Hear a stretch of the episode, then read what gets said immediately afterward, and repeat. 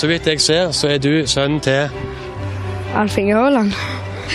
Det er helt riktig. Du heter Erling, og du skårte to mål. Hvem er det som har lært deg å skåre mål? For faren kunne det ikke. Jeg aner ikke. Meg sjøl? Han får ikke noe av æren for det, han. Nei. Alt det andre får han æren for. Fenomenet Erling Braut Haaland, som alle snakker om, blei ikke trent av faren sin, den gode fotballspilleren. Som barn og ungdom vokste han opp i et lag som var helt unikt. Hvordan har Haaland blitt så god? Jeg heter Tor Erling Tømt Ruud, og dette er Verdensgang.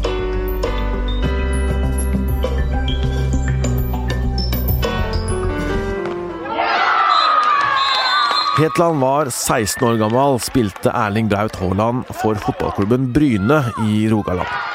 Årgangen hans skapte fem landslagsspillere, ti på kretslag, og ikke en eneste av de 40 spillerne falt fra i løpet av tolv år. Akkurat det har faktisk blitt forska på.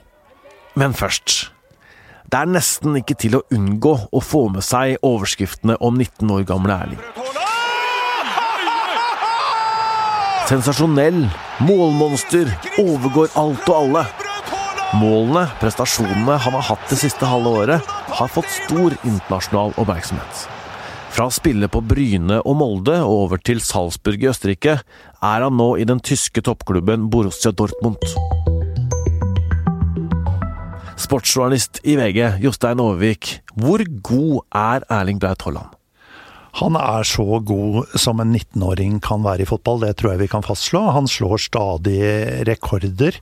Eh, og han er fortsatt bare tenåring. Det er ingen som har skåret så mange mål på så kort eh, tid i Champions League, og det er ingen som har gjort det i Bundesliga. Så han gjør ting som eh, ingen har gjort før han. og jeg vil jo si, bruke Drillo sine ord, som han brukte i VG her, på at det er tilnærma uvirkelig.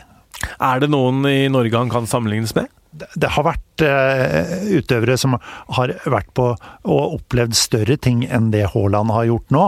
Men potensialet til Haaland, det ligger vel kanskje over noen vi har sett før. Også i verdenssammenheng?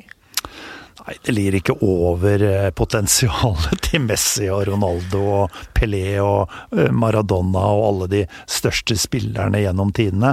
Men eh, jeg vil jo si at med den fysikken og, og, den gløden, entusiasmen, forståelsen for spillet, så har han faktisk et potensial for å ende omtrent på det nivået. Ja, for han har mer å gå på, er det en talentspeider som har sagt. Hva ligger det i det?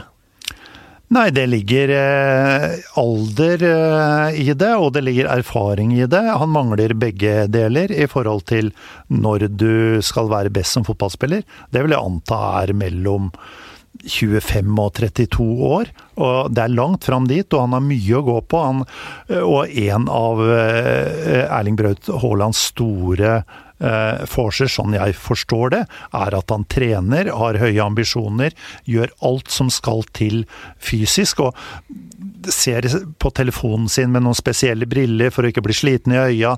Han er på detaljnivå og jobber hardt med alt i karrieren, så uh, the sky is the limit. Faren hans, Alf Inge Haaland, spilte VM-kamper for Norge i 94 bl.a., blant annet, og mora hans, Gry Marita Braut, er norsk mester i sykamp eh, på ungdomsnivå. Altså, Erling Braut Haaland har eh, genene, talentet og vinnerskallen. Men nøkkelen til hans suksess handler kanskje like mye om en dør som alltid sto åpen, og en helt spesiell kompisgjeng. Dette skriver du i VG, Jostein, etter å ha vært i hjemtraktene til Haaland. For du oppdaga noe i Bryne, som flere påpeker, som kan ha vært viktig for Erling da han vokste opp. Bryne som klubb gjorde jo noe veldig smart når de satte opp den derre Eh, plasthallen sin. Og eh, det var at de lot den kunstgressflata stå ledig i helgene, slik at den eh, i vær og vind på Jæren kunne være åpent for løkkefotball. Og helt fra de gutta var små, så var de på plass der tidlig lørdag morgen, tidlig søndag morgen. Spilte til helt fritt, drev med forskjellige balleker inntil foreldra antageligvis kalte dem hjem til middag, og de fikk masse tid da. Og man sier jo om du spiller fiol fiolin eller hva du holder på med. Du, du skal ha 10 000 timer for å bli ordentlig god. Og de 10 000 timene, det, dem tror jeg faktisk eh, eh, Haaland har. Etter å ha vært i Bryna, hva fant du ut? Hvorfor har han blitt så god? Jeg fant ut at han har vokst opp i et lag som er styrt av masse eh, god fotballkompetanse og godt norsk folkevett. Eh, han har eh, vokst opp i et lag hvor de tok vare på alle. Hvor både de dårligste og de beste trente sammen. Noe som skapte et unikt samhold, tror jeg. Og det er jo morsomt da at når han scora mot Liverpool på Anfield, som er en guttedrøm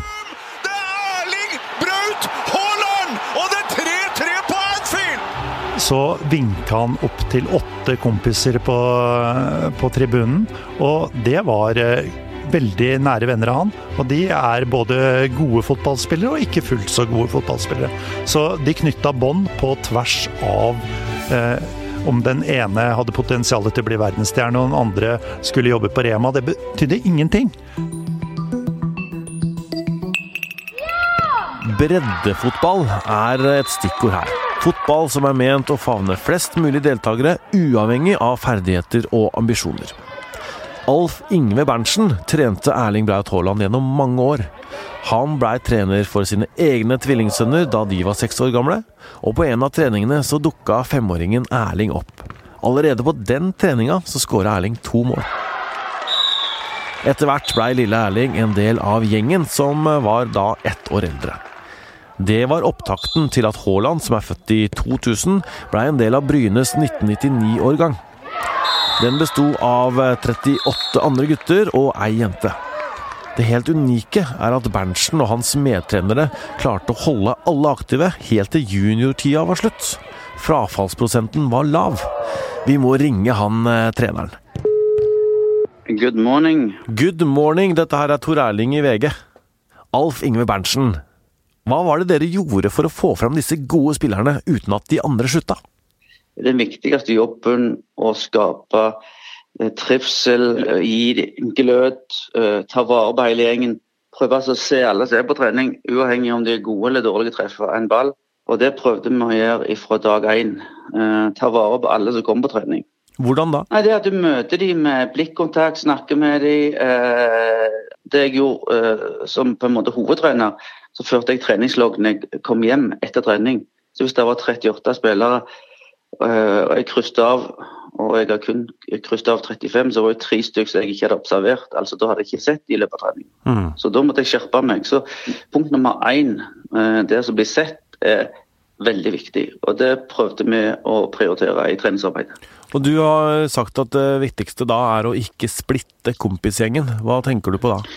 Ja, altså, I barnefotballen mange plasser det funker veldig bra.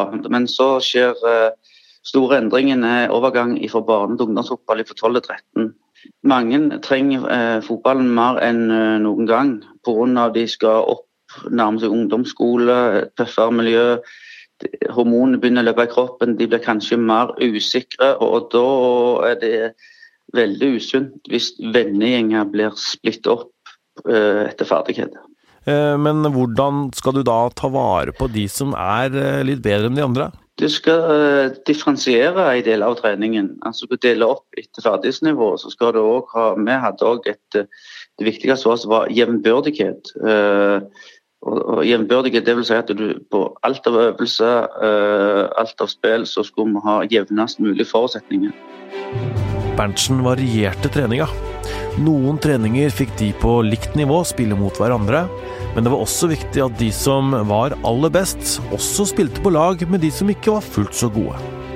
På den måten fikk de som ikke var best, se hvordan de dyktigste spilte, men det satte også krav til de på toppen. De måtte ta hensyn, og så f.eks. gi presise pasninger for å gjøre de andre gode. Hele filosofien går ut på at det skal føles ut som et lag, men at varierte treningsformer skal ta vare på både topp og bånd. Men hva skal egentlig til for å få til et sånt opplegg? Du må ha en felles forståelse for hva som er det viktigste. For oss var det viktig å ikke splitte vennegjenger. De aller aller fleste klubbene i Norge er breddeklubber. Mm. Da er punkt nummer én prøv å få flest mulig til å bidra eller komme til idrettslag. Og når de kommer, hold de lengst mulig. Og Hvis du da legger opp til et opplegg der at de splittes ned i 13, så starter jo frafallet egentlig uka etterpå. Vær forsiktig med fellestreninger. til Nok med fire ganger i uka, og så la det holde på eh, med mye egen aktivitet. Da blir det spennende, spesielt for de beste. For da de blomstrer hvis de trives.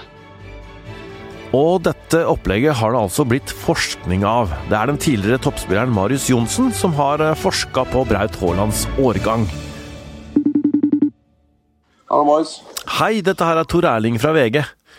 På Universitetet i Agder så skrev du en masteroppgave om dette, Marius. Hva var eh, hovedfunnene dine? Hovedfunnene mine etter, etter intervjuer med, med, trenere, og klubbledere, spillere og foreldre, det er det at uh, dette er en gruppe som har spilt uh, ekstremt mye fotball.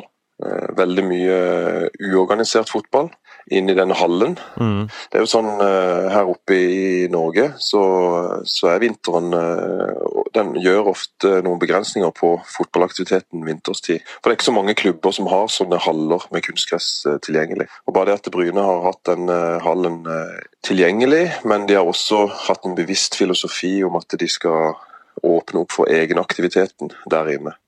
Så, så, hallen har stått eh, åpen, bokstavelig talt. Mm. Eh, ikke noe lås på døra, og, og, guttene har hatt kort vei ned til hallen. Det er jo også et, eh, et viktig punkt. Mm. I tillegg så, så, har de jo også hatt uh, veldig flinke trenere, da.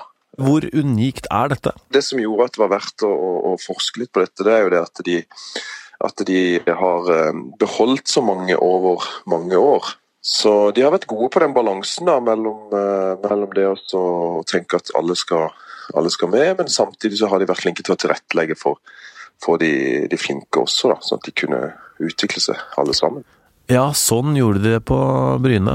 Men eh, Jostein Overvik, som sportsjournalist, du kjenner jo til disse utenlandske fotballakademiene. Hvordan skiller dette opplegget på Bryne eh, seg fra disse akademiene? Det er jo mye billigere for foreldra å ha ungene i den gratishallen der, da, enn, eh, enn å ha dem på et akademi. Det er jo en vesensforskjell. Men eh, det er jo også at eh, du har det trygge, sosiale, hjemlige miljøet på Bryne der alle sykler til eh, treninga, ikke sant?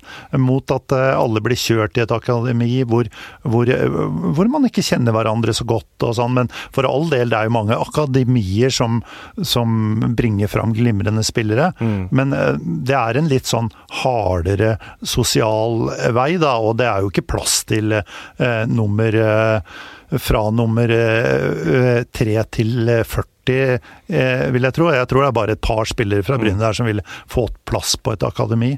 Og Der har jo også Ann Berntsen noen poenger eh, rundt at eh, verken Martin Ødegaard eller Sander Berge for den saks skyld av den norske talentgenerasjonen har vært på noe akademi i oppveksten. Du har hørt en episode av podkasten Verdens gang. Lydklippet helt i starten er henta fra Stavanger Aftenblad, og vi har brukt lyd fra Viasport. Masteroppgaven til Marius Johnsen heter 'Flest mulig, lengst mulig, best mulig'. Podkasten lages av Emilie Hall Torp, Kristine Hellesland, Nora Torp Bjørnstad, og jeg heter Tor Erling Tømt Ruud. Magne Antonsen er teknisk produsent, og en ny podkastepisode er klar i morgen tidlig.